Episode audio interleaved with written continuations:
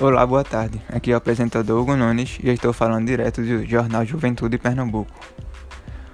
As notícias de hoje, o tema é sobre sustentabilidade. Um grupo de jovens de uma escola estadual do Recife fizeram uma visita em algumas escolas em Bezerro, no interior do estado, com o intuito de conscientizar e ensinar os adolescentes do quão é importante ter práticas sustentáveis. Os jovens também foram convidados a fazer um passeio pela cidade reconhecendo pontos de melhorias. Logo após, puderam voltar para as salas, criando projetos e trazendo a possibilidade de solucionar os diagnósticos.